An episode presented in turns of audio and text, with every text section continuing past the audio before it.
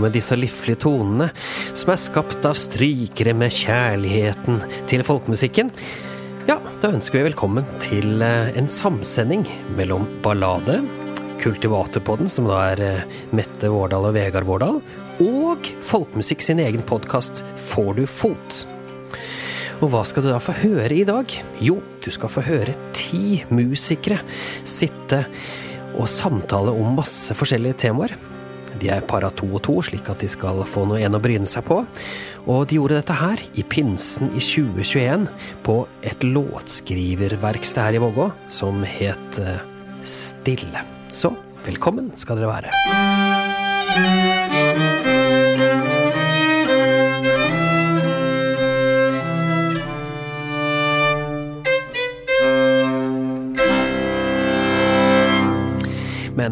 Min gode kone, kan ikke du fortelle hva i all verden var Stille for noe? Du, Stille var en glimrende idé som dukket opp i løpet av eh, pandemien, og som også ble gjennomført da i pinsen i eh, 2021. Og det var rett og slett et låtskriververksted. Altså vi eh, samla, eller vi, Vågå konsertserie som I da, samarbeid med Bjørn Kåre Odde og Solveig Brekke Hauknes. Som nå er eh, danner duoen i Melovitten, produksjonsselskap og plateselskap. Ja. Og Vågå konsertserie det er jo da deg og meg og vertskapet på Gammelkleppet, som er en, eh, et kulturarvhotell, kaller det seg. Og der fikk vi altså samla ti utøvere, musikere, som eh, fikk eh, seng å sove i, god mat og hele dette fantastiske tunet til å boltre seg på. Og jobbe og samtale og eh, få veiledning og teste ut og lage ny musikk. Ja, for da var det slik at Ronny Kjøsen, Bjørn Kåre Odde og jeg, vi var de såkalte veilederne. Så vi gikk rundt og hjalp folk med å komme litt videre hvis de sto fast et eller annet, med et eller annet.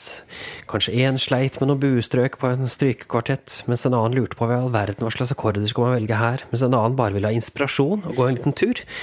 Så gjorde vi det. Og helt på slutten, når de hadde blitt fora av gourmetmat fra en Noma-kokk, og Dag eh, Lidvig hadde stått der og snakket varmt om kulturen i Vågå. Da kunne de spille inn dette her. Og da gjorde de det med hjelp av Tor Magne Hallibakken. Så han kom altså til Gammelkleppet og spilte inn ja, Ja. låtene. Da gjorde vi rett og slett om den gamle kønnbua til, eh, til lydstudio, og da var de inne alle sammen, og det ble mye bra musikk. Men i løpet av denne uken så eh, skulle de også Altså, én ting er å lage musikk, en annen ting er å snakke om musikk. Og det skulle de også bryne seg på, så vi rigget opp et podkaststudio. Eh, og de var da satt sammen to og to, valgte seg noen eh, temaer. Og eh, utdrag fra de samtalene er jo det som er blitt denne podkasten her.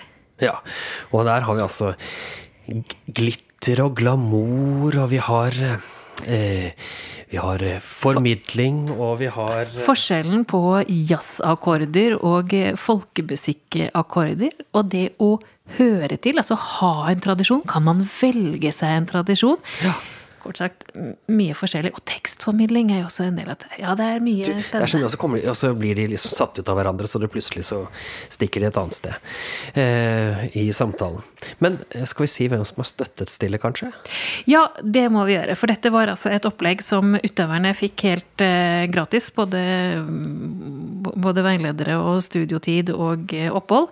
Eh, og det hadde aldri vært mulig hvis det ikke var for uh, viktige eh, støttespillere. Ja, jeg kan ramse de opp, jeg. Ja. For det var nemlig Sparebankstiftelsen, og så var det Musikkforleggerne, NOPA og Innlandet fylkeskommune og regionrådet. Det er ganske mange som støtta dette her, og det gjorde at alle disse ti utøverne kunne bare kose seg i hele pinsen. Du, dette her er åh, det er så fint. Skal vi høre på de da, eller? ja. Og de første dere skal få høre, det er Hilde Fjæringøy og Kirsti Bakke Kristiansen. Hilde hun er fra Helgeland, spiller torader og er kjent fra grupper som Rim og Moenje. Moenje. Eh, og Kirsti er folkesanger fra Gjøvik, synger i Fivil og har jobbet mye med kanskje ikke så veldig kjent tradisjonsstoff ifra Gjøvik-området.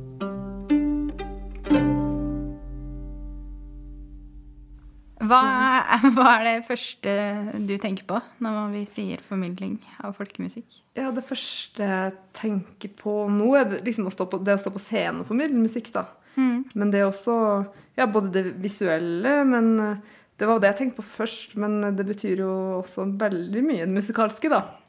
Ja, det er sant. Ja. Men Så jeg, hva du tenker på? ja, jeg også tenker kanskje først og fremst på det sceniske, men det man ønsker å få fram til publikum, kanskje. Det å stå på scenen og få musikken ut, ut til publikum. Eh, og ulike måter å gjøre det på. Ja. Mm, hva, hva man ønsker at publikum skal sitte igjen med av slags følelser og inntrykk. Det er kanskje det jeg tenker eh, ja, henger sammen med Ja. formidlinga. Og så har jo du som sanger sikkert mye med teksten òg, som du jobber med. Ja, det gjør jeg. Og det er kanskje eh, ja, noe som jeg har mye fokus på, er, som, som jeg syns er viktig, er å få fram teksta, hvis det er tekst eh, på den musikken jeg framfører. Så eh, tenker jeg for meg så er det da viktigst at det kanskje publikum sitter igjen med å ha oppfatta handlinga i teksta. Og, og det er ganske utfordrende, for jeg tror mange forsvinner litt sånn inn i musikken. Og spesielt hvis det er eh, lange ballader, f.eks., eh, så blir det jo litt sånn meditativt med repetisjoner av melodier som går og går og går.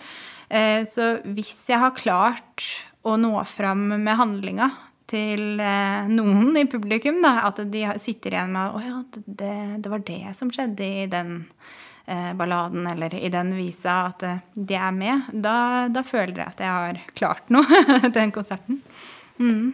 Men eh, kan du gi et eksempel på hvordan du jobber med f.eks. en ballade, da? For å, det er jo ganske lang Det er jo ganske lang som regel, er de ikke det? Jo. Hvordan du liksom jobber for å klare å få folk med hele veien. Eller til hvert fall å forstå da eh, kanskje hovedhandlinga. Ja, det er ganske Ja, det er jo en litt sånn nøtt, det. Og det er jo ikke sikkert måten jeg gjør det på, er det beste heller. Det er jo mange måter å gjøre det på.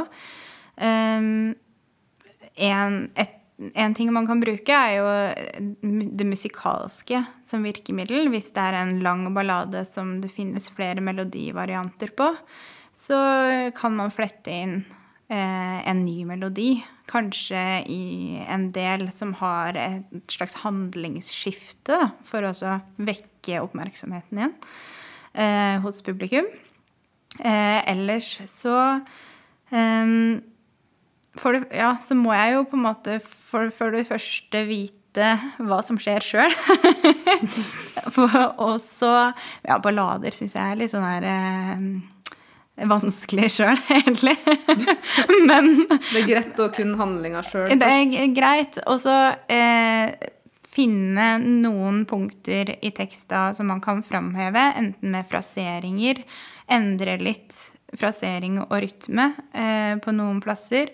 Men også liker jeg å kunne ha et slags utadvendt blikk, kanskje, på publikum. Som en forteller. Eh, men det er min måte å gjøre det på, i stedet for å da lokke meg inn. Eh, så vender jeg meg heller ut, og kanskje eh, ser på publikum eh, og skifter eh, noen personer som jeg ser på, for at kanskje de ja, våkner litt, da. Eh, mm. Men hva, jeg er jo veldig sånn spent på hvordan du tenker på formidling som er instrumentalist. Ja. Jeg, må si at jeg er på en måte egentlig litt spent sjøl på, den på hva jeg tenker om hva denne samtalen utvikler Ja. seg slags vei. For det, jeg har tenkt eh, opp igjennom ganske mye forskjellig eh, om formidling og, og liksom utforska litt òg. Eh, Sjøl, men også liksom prøvd å legge merke til hva andre gjør, og hva som liksom gir meg noen ting. og Um, jeg tenker jo at, at det er veldig viktig da når, når man skal spille, at liksom det musikalske er på plass. da. Eller liksom, for meg er det viktigst, også når jeg er på konsert med andre, at liksom det, det er kanskje ikke det viktigste for meg at showet, da. I hvert fall på en sånn barnlig folkemusikkonsert, hvis det ikke er et show, da. Da er jo showet viktig. Men, men jeg tenker at uh, det er litt vanskelig å um, Det er litt vanskelig å skal velge noe i denne samtalen også, om vi skal snakke om liksom, Mm. det musikalske eller det liksom sceniske. Skjønner du? Ja, for det henger jo sammen. Det henger veldig i Ja, det gjør det. Uh, og hvis, hvis noen ikke, Jeg husker jo når jeg var liten og Eller liten var jeg jo kanskje ikke, men sånn fjortis, da. Og spilla til dans, ikke sant. Og sto og spilla med mange andre. Og Tora der sto jeg og snakka med vennene mine ikke sant? mens vi spilla til dans. Eh, og, og det har jeg jo slutta med etter Ja. å ha begynt å spille konserter. For eksempel, da, det er jo sånn ekstremt eh, tilfelle. For man, jeg syns i hvert fall man skal se ut som at man, man bryr seg om det man driver med. Det, er jo, det kan man jo begynne med. Hvis man tenker at eh, formidling er den ja, er en slags utstråling man har da, på scenen, ha, tenker du annerledes når du spiller som solist enn når du spiller med et band, f.eks.? Har du forskjellige innfallsvinkler til hvordan du vil framstå på scenen når du er aleine, mot for når du spiller med andre? Jeg har ikke tenkt veldig mye på det. Det eneste som har, som har gått øh, opp for meg, det er at altså når du spiller helt alene, så har du jo deg sjøl, da. Og, og på en måte, hvis du spiller i et band, så har du så mange å snakke med, på en måte, og så se på og få, få et blikk, få et smil. Man gjør noe i lag. Eh, og publikum, ikke sant. Så, så man, kan man få veldig mye og gi masse impulser. Så det skjer mer. Når du er alene, så ja, har du jo deg sjøl, og så har du jo det publikummet da, som er der, hvis det er publikum. Eh, hvis du er på plateinnspilling, da har du ikke publikum. Eller radio, da er du alene. Så da Så jeg tenker jo, i hvert fall når jeg skal spille alene, da, at eh, som først og fremst at eh, da må du på en måte være din egen medspiller. Skjønner du hva jeg mener? Ja, jeg tror det. At man, man på en måte vet, Nei, det er vanskelig å forklare, men jeg er liksom For å formidle musikken så må jeg tenke at jeg er 100 til stede i det jeg gjør. da. Ja. Sant? Og bare sånn helt med og, og reagere på det som kommer ut av musikk. Eh, for at det, det skjer jo overraskelser når man spiller, at man liksom kan være med på, på det også når man er alene. Og kanskje ha det, sånn, ha det artig. Det syns jeg er viktig da, når man spiller alene. At man liksom koser seg. Ja. Eh, Og det gjør jeg jo veldig mye når jeg spiller, bare sitter og øver alene. Og, og liksom klarer å ta med det på scenen. da. Det tror jeg gir mye til de, de som hører på. Mm. Eh, For, for musikken blir jo finere hvis man koser seg. ja, det tror jeg òg. Vi kunne snakka mye om det her, da. Men jeg tror vi er nødt til å, å runde av. Ja. Men vi er vel kanskje enige om at eh, det er eh, Formidling i folkemusikk avhenger av eh, hvor man er. Eh, ulike arenaer og ulike settinger og publikum og repertoar. Repertoar. Mye er lov. Ja. Alt er jo lov. Alt er lov. Så artig hvis alt blir utprøvd. Mm. Takk for praten. Alt er lov, konkluderte Hilde og Kirsti, og det kan vi jo si oss enig i. Og det var jo på mange måter også et sånt gjennomgangstema på Stille låtskriververkstedet som vi hadde i pinsen. At eh, du skal ikke la deg, du skal ikke sensurere deg selv før ideen har fått lov til å komme ut og bli testa ut. Ja, altså ikke, ikke kaste ut barnet, for du har i hvert fall sett barnet med badevannet. Eh, så, men vi skal gå videre, og da skal vi til Tuva Ferden og Johanne, Johanne Løkenskar Mjøs. Og Tuva hun er en hardingfelespiller og sanger og danser, eh, som har eh, bodd i Oslo veldig lenge. Nå bor hun i Stavanger. Og gruppene hun har vært med i, er bl.a. Vrang og Råbygg. Men eh, hun var også med på et ganske stort prosjekt som het Reglebein, som eh, hadde for barn. Så hun gjør mye rart, og er veldig glad i å jobbe med musikere fra andre kulturer. Johanne, derimot, hun er altså fra Bergemon, Bergen, og hun liker sikkert også å jobbe med andre kulturer, men hun er altså ikke fra Oslo, hun er fra Bergen. Så har vi slått sammen Oslo og Bergen. Og hun spiller fele og er fra Bergen, mens Tuva spiller altså hardingfele og er fra Oslo. Det er veldig kult, dette her. Eh, og Johanne spiller også hardingfele, men eh, har fordypet seg mest i folkemusikktradisjonen fra Nord-Norge. Og har eh, gått utdanning på Ole Bull-akademiet, og tar nå master der, da. Og ville komme til Stille for å jobbe med å lage små låter til barn, som skal være engasjere, altså låter som skal være kule. Og lage kule og fine låter som hun kan presentere. Så det de skal snakke om i dag, det er Tradisjon. Og om man kan velge en tradisjon, eller om man må eie en tradisjon. Ja, for de er jo fra Oslo og Bergen. Er det mulig? Ja, altså det er et spørsmål jeg stiller meg stadig vekk, egentlig. Eh, fordi jeg selv kanskje til tider har hatt litt vanskeligheter for å finne en identitet. Um, fordi vi Det snakkes jo mye om å være tradisjonsbærer. Og så kommer jeg fra Oslo og spiller hardingfele, og det er jo ikke noe ordentlig tradisjon i Oslo. Um, men jeg har også altså Etter hvert så har jeg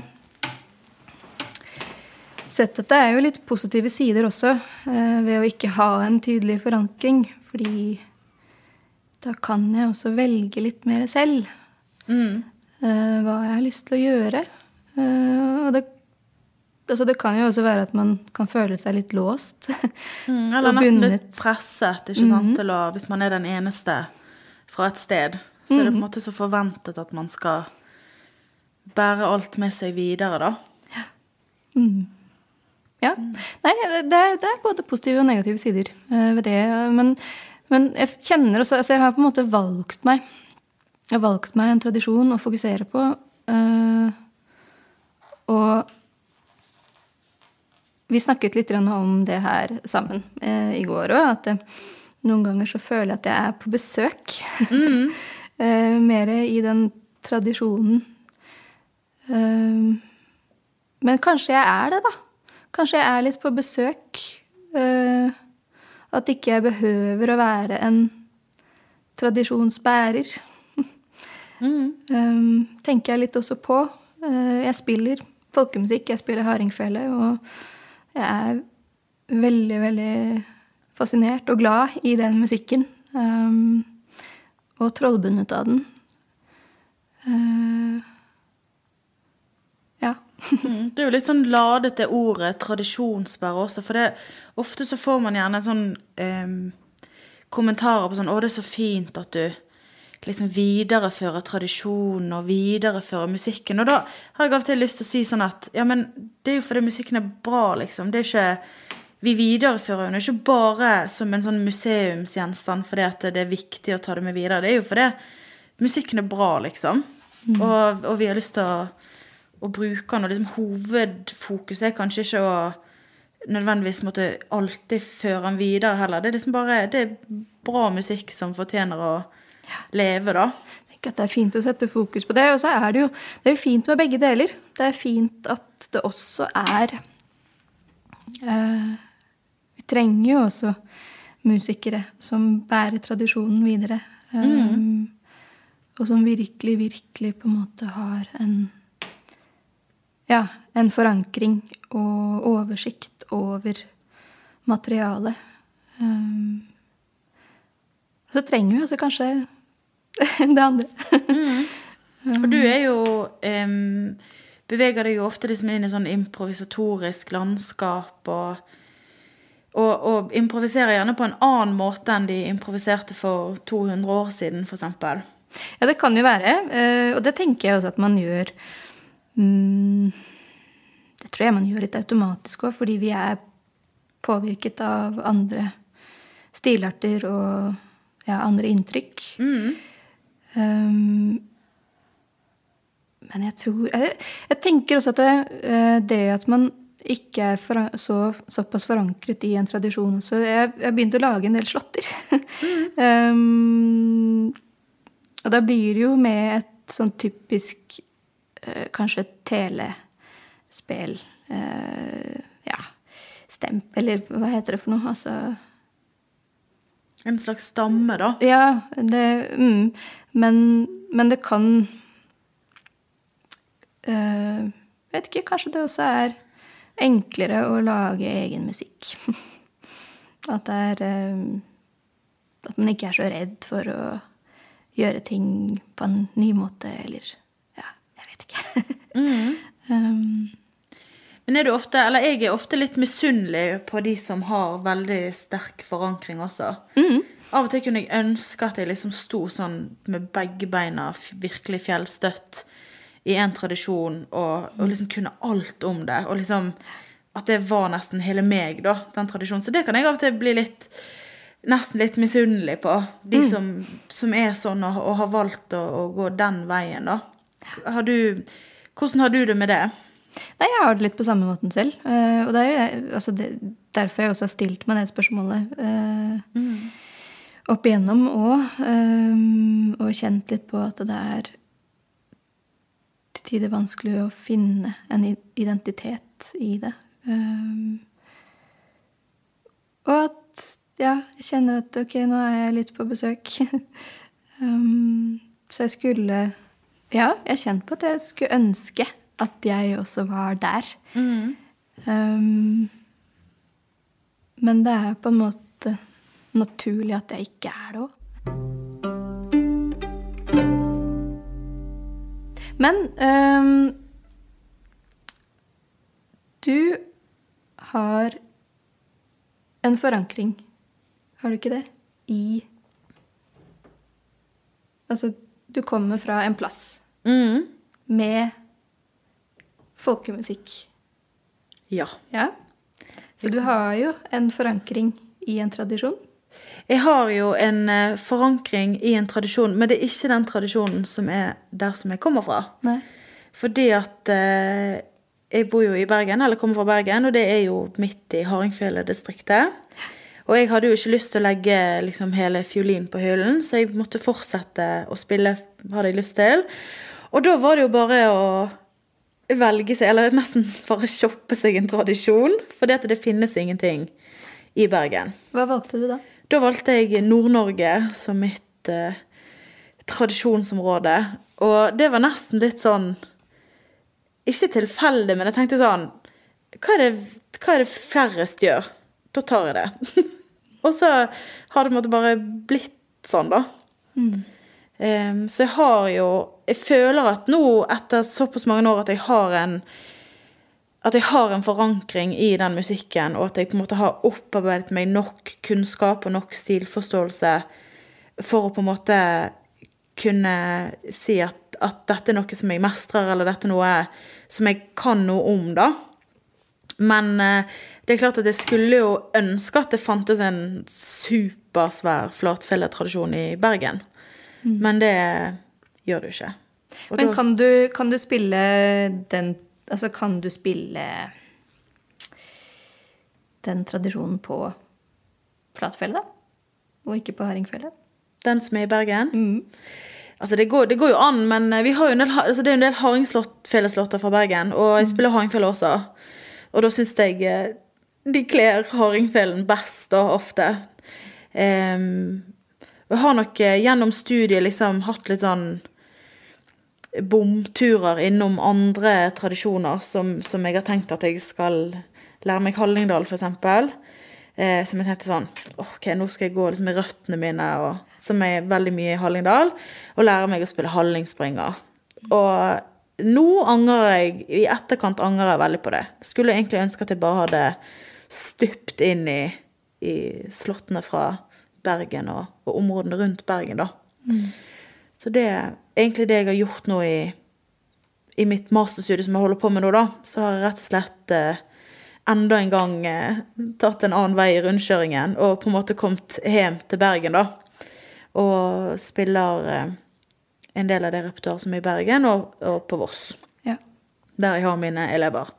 Som eh, Noen av de etter hvert begynner å bli så flinke at jeg må på en måte lære meg litt av repertoaret som er der. Eh, og på en måte har som eh, konsept at jeg alltid må ligge ett vek foran. Sånn at eh, jeg må lære meg nye slåtter ganske ofte etter hvert. Mm. Men det er veldig Selvfølgelig spennende å bli kjent med nye tradisjoner, men jeg skulle på en måte ønske at jeg hadde gjort det litt før.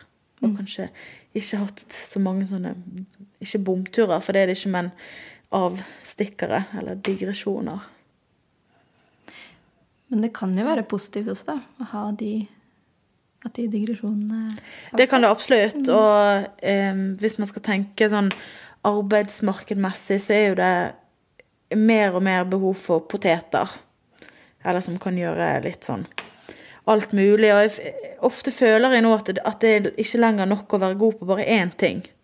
Du må liksom kunne så mye forskjellig for å være aktuell for en del jobber, da.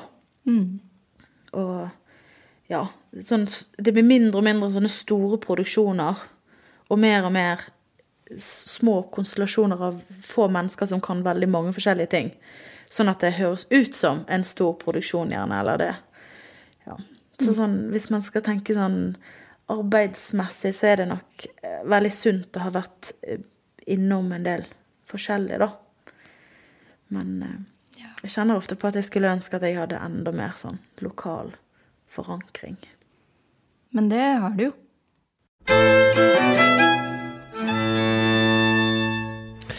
Ja, Det synes jeg var en fin samtale om det å ha forankring, og det tror jeg det er mange folkemusikere som sliter litt med. Altså hvordan man skal finne forankring. Så det er jo en god inspirasjon. Nå skal vi gå videre til noe som også mange egentlig sliter med. Altså hvordan er det med påvirkningen av moderne musikk inn i folkemusikken? Er det lov? Hvordan kan man egentlig harmonisere folkemusikk når man egentlig ikke gjorde det før? Er det lov med akkorder som heter sus B minus 13? Eller skal man bare holde seg til G-dur, C-dur og en D-dur? For det må vi ha. Ja, og de som skal snakke om dette, det er Anders Lilleboe og Mats Erik Odde. Og de har ganske ulik bakgrunn. Mats Erik Odde er ifra eh, Lom i Gudbrandsdalen, og han spiller trekkspill. Og i år så fikk han søren meg Spellemannspris for debutplata si. Eh, og han har også fått eh, Folkelarmprisen for den. Og han jobbet mye med det å arrangere eh, egenkomponerte låter, eller folkemusikklåter, da, i eh, låter i tradisjonell stil, for strykere. Ja. Mens Anders Lilleboe, han eh, har, kommer stadig vekk tilbake til at han har en annen inngang til folkemusikken, og egentlig også har kommet til folkemusikken ganske seint i livet, for han starta med jazz. Men har, og han spiller torader i tillegg til en rekke andre instrumenter. Ja, gitar og piano og det meste. Ja. Han er multimusiker, rett og slett. Ja, men har de siste årene jobbet mye med Sigrid Stubbsveen og den lokale tradisjonen Ja. fra Engerdal. Og der spiller han munnspill og trådorgel. Ja. Veldig lite torader, egentlig. Ja. Så nå er spørsmålet, da Kan man ha tall på akkorder?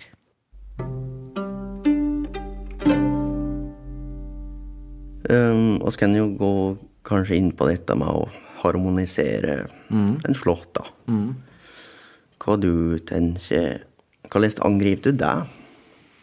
Uh, ja, som jeg gjentar til kjedsommelig, da, så har jeg liksom eh, bakgrunn for andre ting enn folkemusikk først.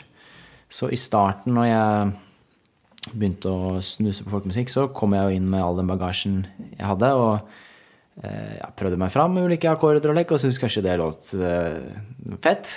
Og så har jeg hørt på det i senere tid og innsett at det var ikke fett i det hele tatt. Eller syns jeg ikke nå, iallfall. da.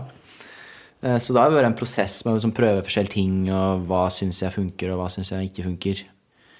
Um, men kanskje jeg tenker at det er en forskjell på å prøve å, å harmonisere en slått slik at den lærer tradisjonelt i hermetegn, da, mot å, å, å skulle spille, en, spille folkemusikk i en sånn sammenheng der det er åpenbart at det er sjangerblanding vi prater om, liksom.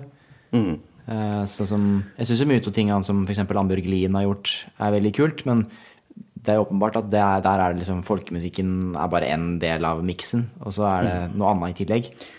Ja, det kommer jo an på hva en vil Mm. hvordan en vil at musikken skal høres ut, da. Ja. Og um, ja.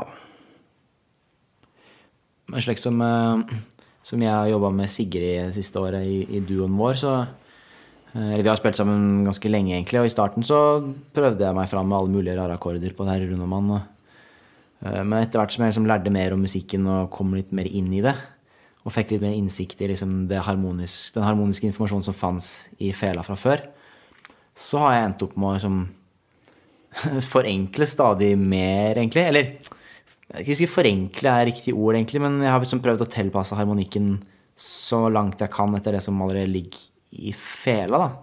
Um, og det er mye, det er mye tonika dominant, liksom, men, eh, men det er mye man kan gjøre med det. Um, ja, du kan bruke mye virkemidler mm. uh, uten å sette på en haug med akkorder, sant. Så ja. Kan jo spille én akkord, og likevel uh, Det blir likevel musikk hvis du former det på en bra måte, da. Bruke dynamikk. Men så føler jeg at noen slåtter gir mer åpning for mer harmonikk enn andre, på en måte. Mm.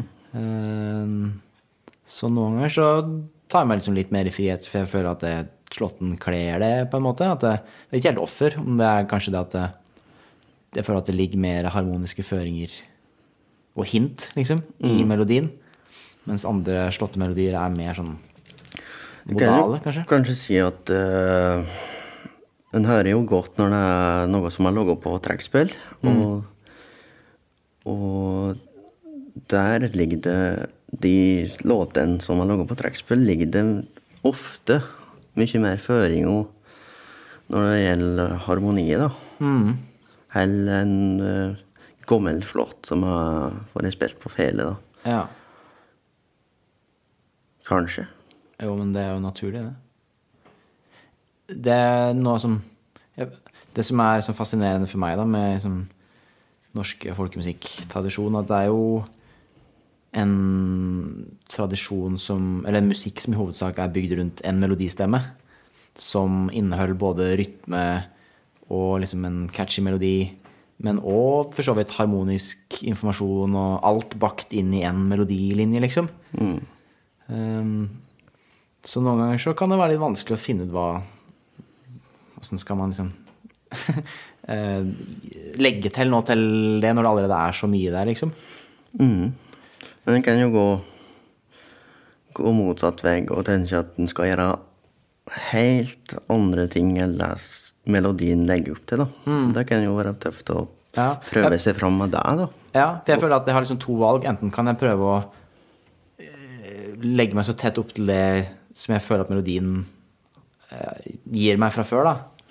Eh, eller så kan du, som du sier, prøve å liksom gi melodien et helt nytt liv ved å liksom gi den et annet bakteppe, på en måte. Um, Kontrast det har vi jo prata litt om her Og Stille. og Det kan jo være et virkemiddel å eh, ja, å harmonisere det helt slik eh, standard, da, i hermetegn, og så eh, gjøre det om neste gang en kommer på i samme parti, og gjøre det om å gå helt ut fra den, den standarden, da.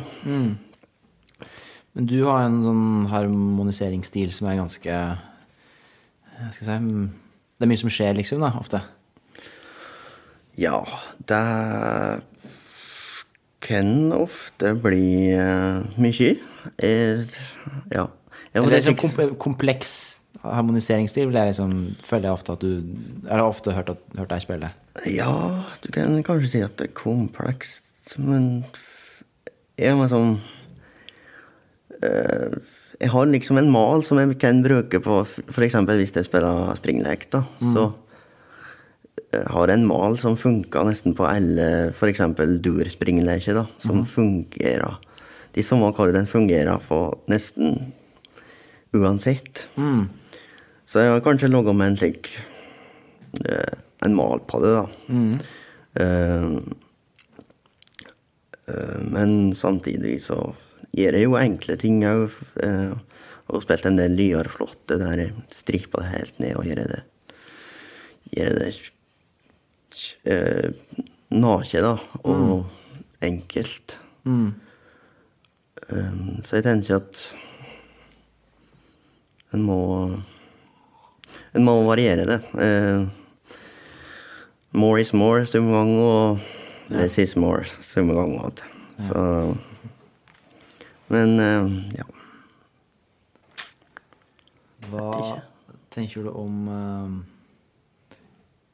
Om det liksom Kan man prate om liksom å spille en harmonisert slått liksom tradisjonelt? Eller altså når er det, Går det et punkt der harmoniseringa bikker over sånn at det ikke er folkemusikk lenger?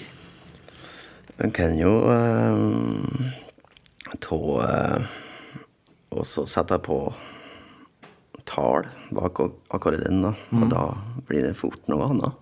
Ja. Ikke sant? Hvorfor det, tror du?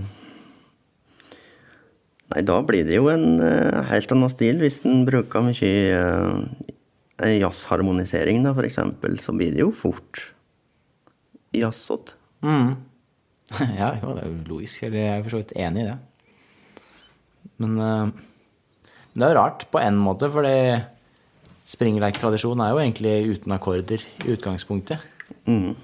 Så hva som gjør at noen akkorder måtte høres tradisjonelt ut, eller høres ut som folkemusikk, og andre ikke gjør det? Ja, ikke sant? Men hvis fela da holder på den melodien da, som er, så er det jo fortsatt folkemusikk.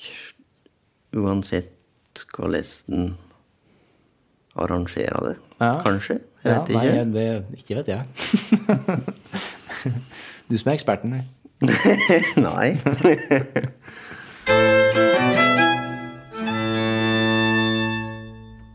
Nå har det jo etter hvert blitt ganske vanlig, eller det har jo egentlig vært vanlig hele tiden, det å komponere og lage ny folkemusikk, enten man gjør det i tradisjonell stil, eller man lar seg inspirere av folkemusikken og lager ny musikk.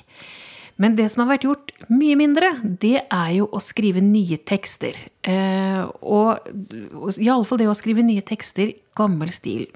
Det er også noen utfordringer med å bruke gamle tekster som jo hører til i en virkelighet som eh, er forbi for lenge siden. Men dette er det neste samtalen handler om.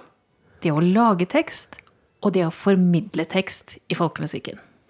Og de som skal samtale om dette her, det er Ingebjørg Longvik Reinholt og Mari Skeie Jones. Ingebjørg hun er en folkesanger fra Seljord, og hun synger i flere grupper, og blant annet kan vi si at Aurum er den som har kommet med plate nå sist. Og så hun synger også da sammen med Kirsti i gruppa Fivil. Og i tillegg til det så reiser hun rundt aleine også. Og på Stille så jobbet, en, jobbet hun med å skrive eh, både tekst og melodi til et prosjekt om en gammel historie hun har lyst til å formidle. Mari hun bor i Oslo nå, også det også Ingebjørg. Men Mari kommer fra Lillehammer og er felespiller. Og i tillegg til å spille fele, så synger hun en del. Og i prosjektet som heter Spring du fela, der har hun fått altså forfattere til å skrive nye tekster til historier om eh, gamle spelmenn. Og så komponerer hun og Camilla og flere andre i prosjektet melodiene til dette her, da. Så nå skal jeg altså få høre litt samtaler om tekst og folkemusikk. Utgangspunktet vårt er jo egentlig det samme, for jeg tar utgangspunkt i historier fra, ja, eller fra folkemusikken. Ja. Spellemannshistorier, er det det? Mm. Ja. ja, ikke sant. Eh, og da tenker jeg at det, det i seg sjøl òg gir noe litt sånn Det gir jo noen føringer, på en måte, som jeg syns gjør at det blir mer folkemusikalsk, da. Men en kan jo diskutere om mine nye i hermetegn folkesanger har blitt eh, helt tradisjonelle. Det har jo sikkert fått inn Det er sikkert innvirka av at jeg har hørt på annen type musikk. Men jeg har liksom virkelig prøvd å da tenke Ja, liksom ei skillingsvise, hva slags form har den?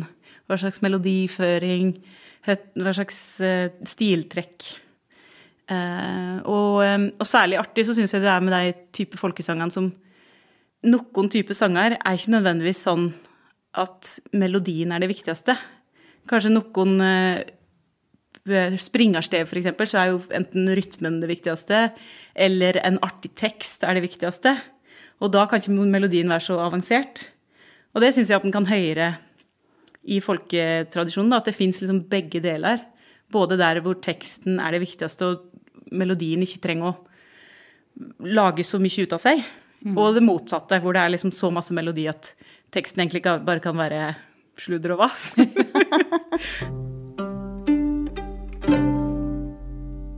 Folkesangerne er kommer jo litt etter. Vi er jo litt etter dere instrumentalister. Ja, for det trengs jo nye tekster, altså. Det har jeg vært opptatt av. Ja, altså jeg syns jo det trengs både de gamle og de nye, på en Ja. måte. Eh, og så tror jeg jo at grunnen til at mange folkesangere kvier seg litt for å skrive, er nok òg det at det, de her gamle tekstene de har jo et språk som vi på en måte ikke nødvendigvis kan sjøl lenger. Det er litt sånn som med, med språk som dør ut. At du, at du skjønner det, men du kan ikke nødvendigvis snakke det. Og der kjenner jeg at eh, jeg er, er jo sjøl litt kritisk. At jeg syns at hvis språket blir for Ja, altså Det, må liksom Altså, jeg vet ikke Jeg syns det, det er en vanskelig balansegang, da. Å få et plutselig så kommer fram det nye, liksom. Det moderne. Ja, altså nye ord og sånne ting. Men det er litt det samme i musikk. Jeg sitter og prøvde å lage en polka i dag. Mm. Og så kan jeg liksom, liksom prøve å lage noe litt artig avslutning, for eksempel. Mm. Og så hører du da ding, det, det her var nyskrevet. ja, ja. Det er ofte så bare går det liksom en stund, og så kommer det liksom ei tone, kanskje, som bare Ikke sant. Men Ja. jeg tenker at det er, det er jo kanskje ikke så farlig. Det kan kanskje leve side om side. Ja. Så lenge du liksom ikke fortrenger det ene for det andre, kanskje. Eller? Jeg sitter og tenker på noe helt annet mens jeg, Altså om tekst. Ja. Eh, For jeg er jo da instrumentalist, og jeg er ikke så veldig god alltid til å høre på tekst. Nei. Eller da må I hvert fall hvis det må være norsk. Eh, også, men jeg er sånn som på triakelplatene. Ja, så er det ett vers. Da kan jeg det verset, for da er det ikke fele i det verset. Og så kommer fela i andre vers. Og da hører jeg ikke på teksten lenger. Nei. Det er helt liksom Det er bare melodi. Nei. Eh, hva skal en gjøre med sånne som meg? Det er ganske mange som er sånn. Ja. Det er det jeg opp... Og før når jeg var yngre, så ble jeg sånn litt irritert Ja, det over det. jeg. Men uh, nå er jeg liksom slått meg til ro med at uh, sånn er det bare. ja.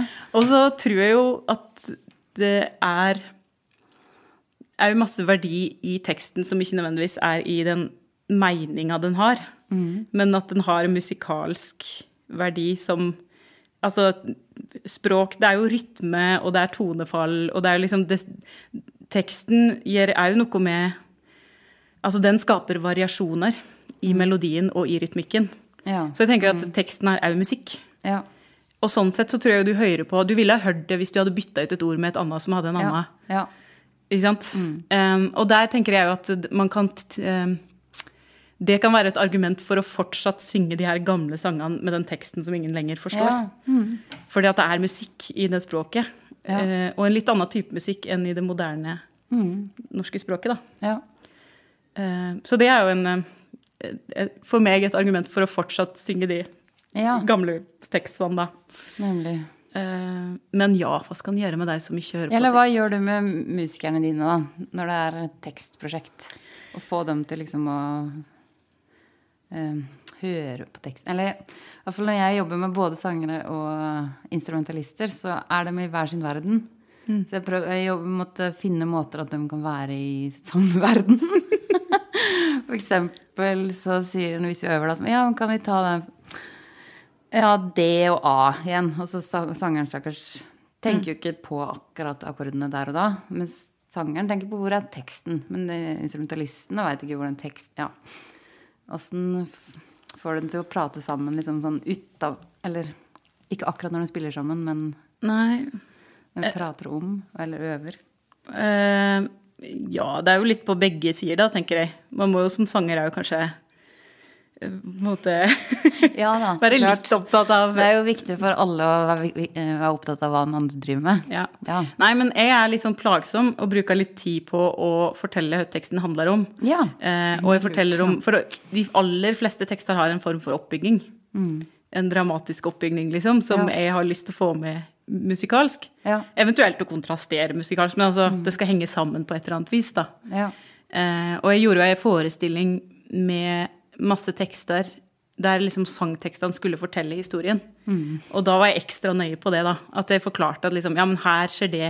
Det er ganske dramatisk. Her skjer det ikke så masse, her kan jeg kan kjøre på med det. liksom. Her er det bare sånn gjentagelig. Altså, ja.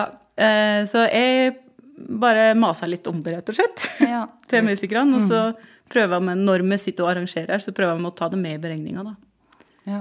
Eh, Men som sagt, det er jo heller ikke all tekst som på en måte er men, men jeg tenker at eh, det fins mange måter å arrangere på som kan bygge opp til at du skal få med denne teksten som er viktig å få med seg.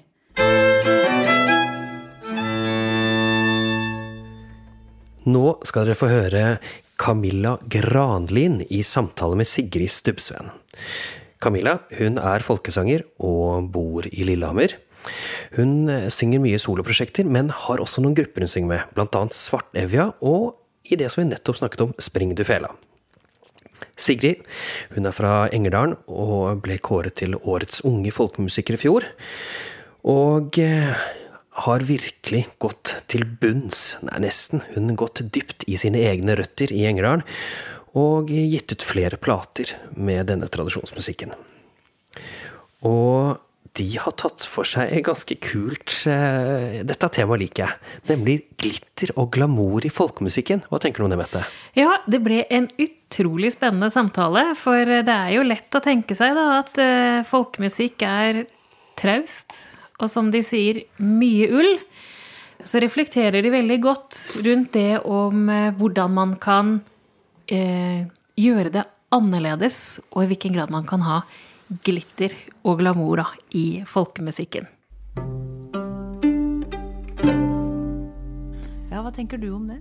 Det er jo ikke, det er ikke motsetninger. Nei? Det, det trenger ikke være. Nei.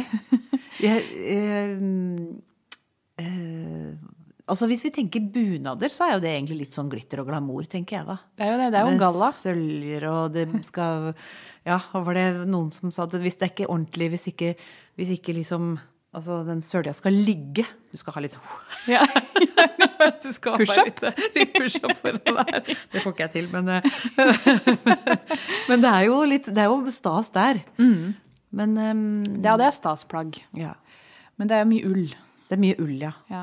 det, uh, det er det. Ull lukter kanskje ikke glamour sånn med det første. Har hatt mye ull på meg opp Ja. igjennom når jeg har ja, spilt.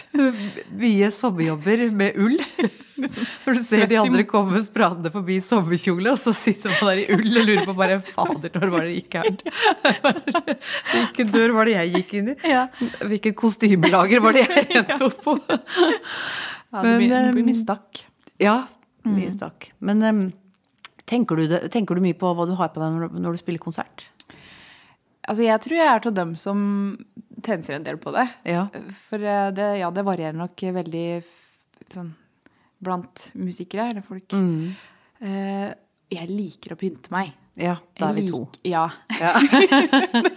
jeg liker at det, det kan være litt ekstra, egentlig når som helst. Men, eh, men særlig da jeg skal på scenen, Mm. er jo litt avhengig av hvilke, hvilke situasjoner det er. Og hva slags konserter og slik. Men, men jeg syns det er stas å kunne ha, ha litt ekstra. Ja, ja jeg syns også det skal være Eller jeg bare tenker på de opplevelsene jeg har hatt sjøl. Når jeg ser folk på scenen, at jeg har, at jeg har følt at det har vært noe sånn sånn ekstra, på et vis.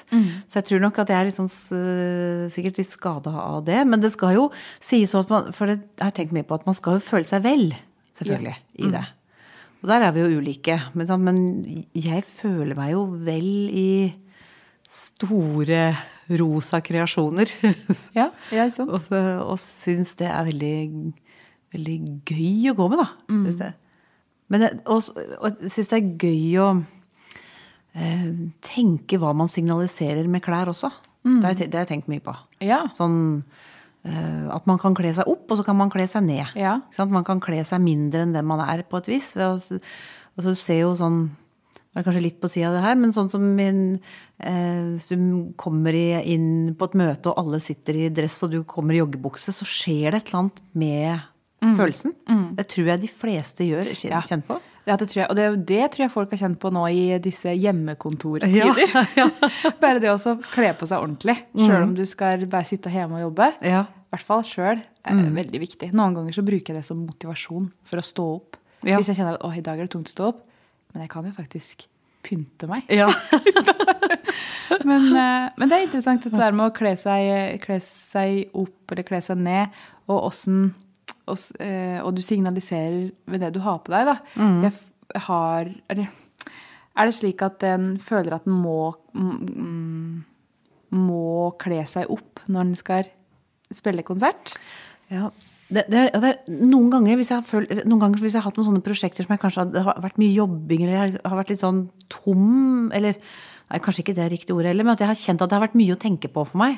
Så merker jeg at jeg har ikke liksom hatt det der overskuddet helt til å tenke helt sånn, og, og så plutselig så sto jeg der på scenen, liksom, og, um, og gikk i ett med alt rundt meg. På, og så kjente jeg søren, og det, det glapp den gangen. Men jeg tror jeg har blitt flinkere til det, da.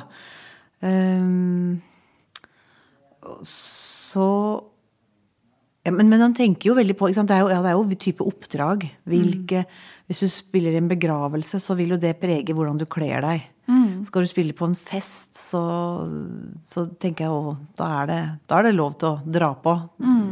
Um, så det er jo eh, å finne ja, finne hva som som liksom føles eh, Ja, jeg vet ikke. Det er vel en sånn magefølelse der, kanskje. Hva som føles rett, da. På de ulike tidspunktene.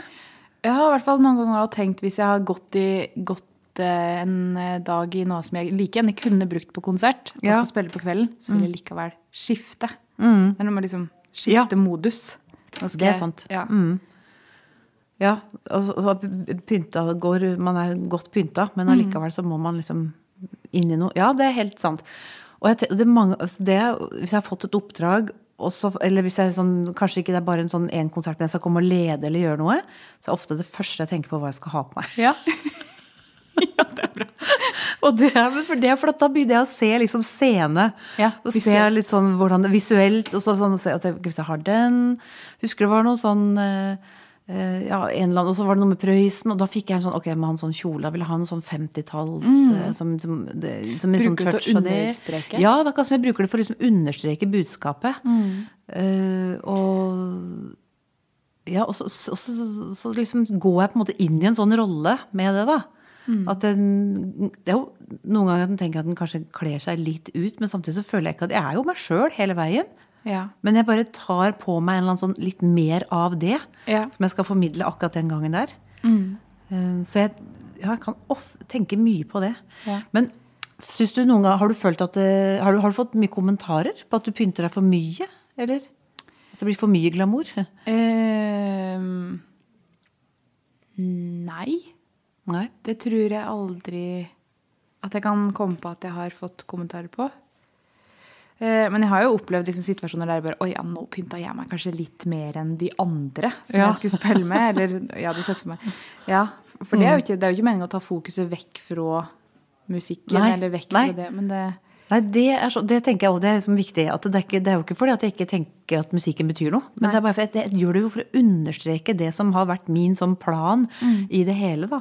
At det er en eller annen eh, Ja, det er noe med Det er ikke alltid godt å forklare akkurat hva den planen er, men det er jo den følelsen jeg har at til det prosjektet der så må jeg ha på meg det. Der, da kjennes det riktig. Da er det Da tror jeg det passer. Men har du fått kommentarer på det noen gang? At det, Jeg får noen kommentarer på at Oi, det var Ja. det, ja, Ja. her kommer du. Ja. ja, oi, gullbuksa. Ja. ja, det er jo Og, så, og, så, men så, men, og da kjenner jeg jo at det For jeg vet jo, jeg har jo snakka med folk som syns det er fryktelig ubehagelig å få sånne kommentarer. Og det er kanskje da grunnen til at de ikke velger å ta på seg den kjolen som de hadde lyst til å ta på seg, eller den dressen eller en, en eller annen. For at de bare orker ikke de kommentarene. Nei. Øh, men da har jeg bare tenkt sånn så Og det er, jeg har alltid syntes klær har vært gøy, da. Altså Ja, fra, fra jeg var ja, jeg har prøvd mamma sine kjoler og hatt sånn derre catwalk inn på stua siden jeg var liten. Catwalk på fòrbrettet hadde jeg i fjøset. Altså, så jeg, syns, jeg har alltid syntes det har vært veldig veldig gøy med, og med mote, liksom. Eller bare følge litt med. Så um, Så jeg har hatt også Jeg har liksom en tenker som sa at det koster ikke meg noe å få de kommentarene, da, på en måte. Jeg kjenner at For meg så gjør det ikke det noe, så da, tenker jeg, da gjør jeg det. Og så kanskje jeg liksom trekker den grensa litt for hva folk syns er greit eller ikke. Eh, men ja. Men tror du det har med at du, du driver med folkemusikk? For det, jeg vet jo at det, tidligere så har det kanskje vært litt mer sånn forventninger om at det, du møter opp i bunad når du skal gjøre den type Ja. oppdrag. Det er jo kanskje ikke s- det Nei. nå, men Nei, jeg husker liksom, når jeg, når jeg begynte, så følte jeg det var en slags forventning på det. Og så følte jeg det var noen år hvor det var veldig sånn anti. At det var bare sånn, jeg nekter å stille i bunad. liksom sånn. Og så syns jeg jo det er litt synd nå, for at det er jo stasplagg. Og, og, jeg, og, og, vi, og jeg tenker, jeg må, jeg må jo også respektere det at for mange så er det det henger sammen. Folkemusikk og bunad. Det er bare, og det er det de ber om liksom, når de booker meg. Så jeg har tenkt at det gjør gjerne det Går gjerne i bunad òg, men men eh, jeg tror, ja, kanskje det er noe i den der fasen hvor man skal finne seg sjøl litt, og du bare følte deg som en sånn syngende bunad i noen oppdrag. De sto liksom og dro i stakken mens jeg sang, liksom. Bare sånn, hva er det her for noe? Så, og så tenkte jeg, det, dette her vil jeg ikke være med på. Jeg vil at de skal høre på musikken, og liksom, ikke at det ikke bare er en sånn derre en sånn, Synnøve Finden? Ja, en sånn litt sånn her inni det trollet på Hundefossen, liksom, at det er en eller annen sånn greie der. Men, at, eh, men, så, men så er det jo kanskje jeg tryggere på hva jeg gjør, eller så, så nå tenker jeg det er mer greit. Men, men ja, det var det der med hvor eh, Jeg, har- jeg har eh, jeg vet ikke, Vi snakka jo litt om i går at folkemus, norske folkemusikere er liksom ikke én sånn Det er ikke sånn lett å si at det er én sånn gruppe som ser sånn ut. Nei. Det er jo mye forskjellig her. Så sånn sett så er det jo kanskje eh, også greit å Har det jo vært greit å teste å bruke forskjellige klær. Men samtidig så kan en jo si at det kanskje er en liten forventning til Du skal være pent kledd.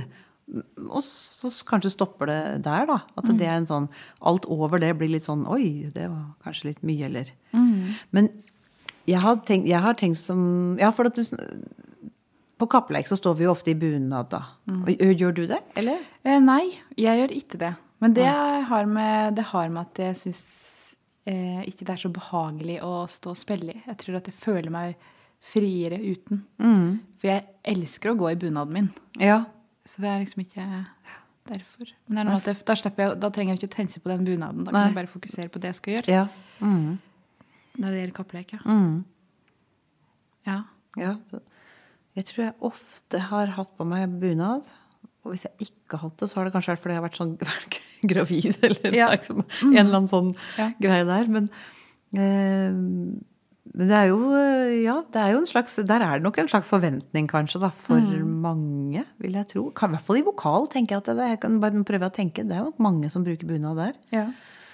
Eh, men hadde, hva hadde skjedd hvis vi hadde kommet i ballkjole? ja. Hadde det forstyrra musikken? Hadde det bare blitt Hadde folk bare sittet og sett på det og tenkt Eller hadde, vi, eller hadde folk begynt å le? Det liksom, Ja. på, hadde de Ja. tenkt at jeg bare tulla, liksom? Eller ja. Gjorde litt narr. Ja, det gjorde narr, kanskje. Ja. Med sånn Det var jo som vi snakka om i går, med boa og hele faderullan. Ja. Det hadde jo vært gøy å teste, da. Ja, for det, um, bunaden er jo glitter og glamour, som du sa i starten. Det er jo det. Det er jo et gallaantrekk. Mm. Så hvis en skulle stille opp i noe som er liksom likeverdig med Ja. en eh, bunad, så ja. Ja, så må vi ty til ballkjole.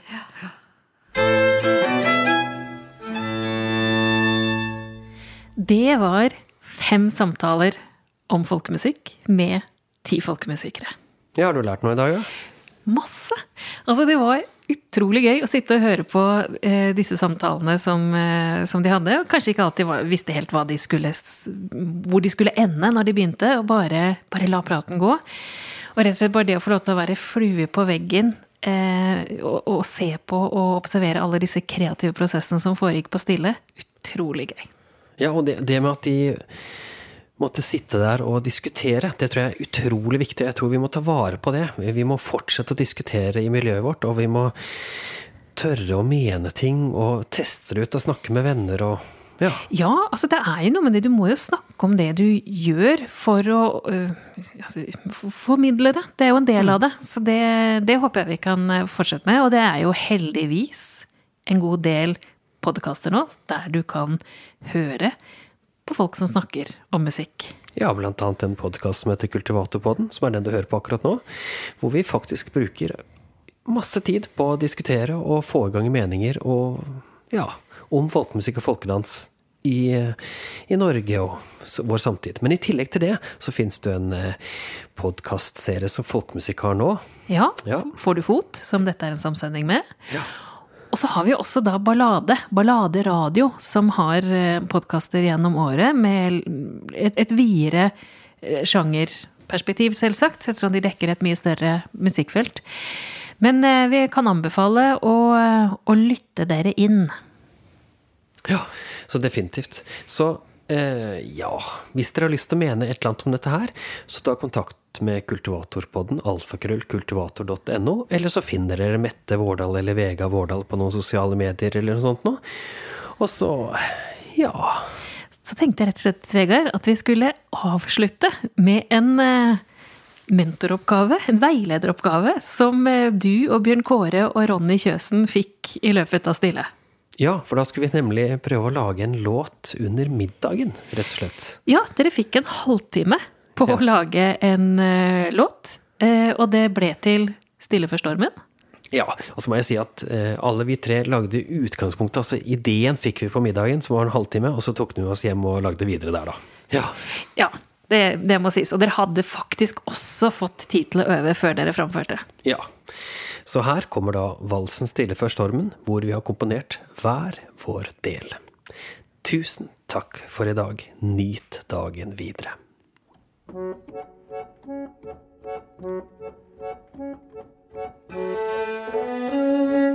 you.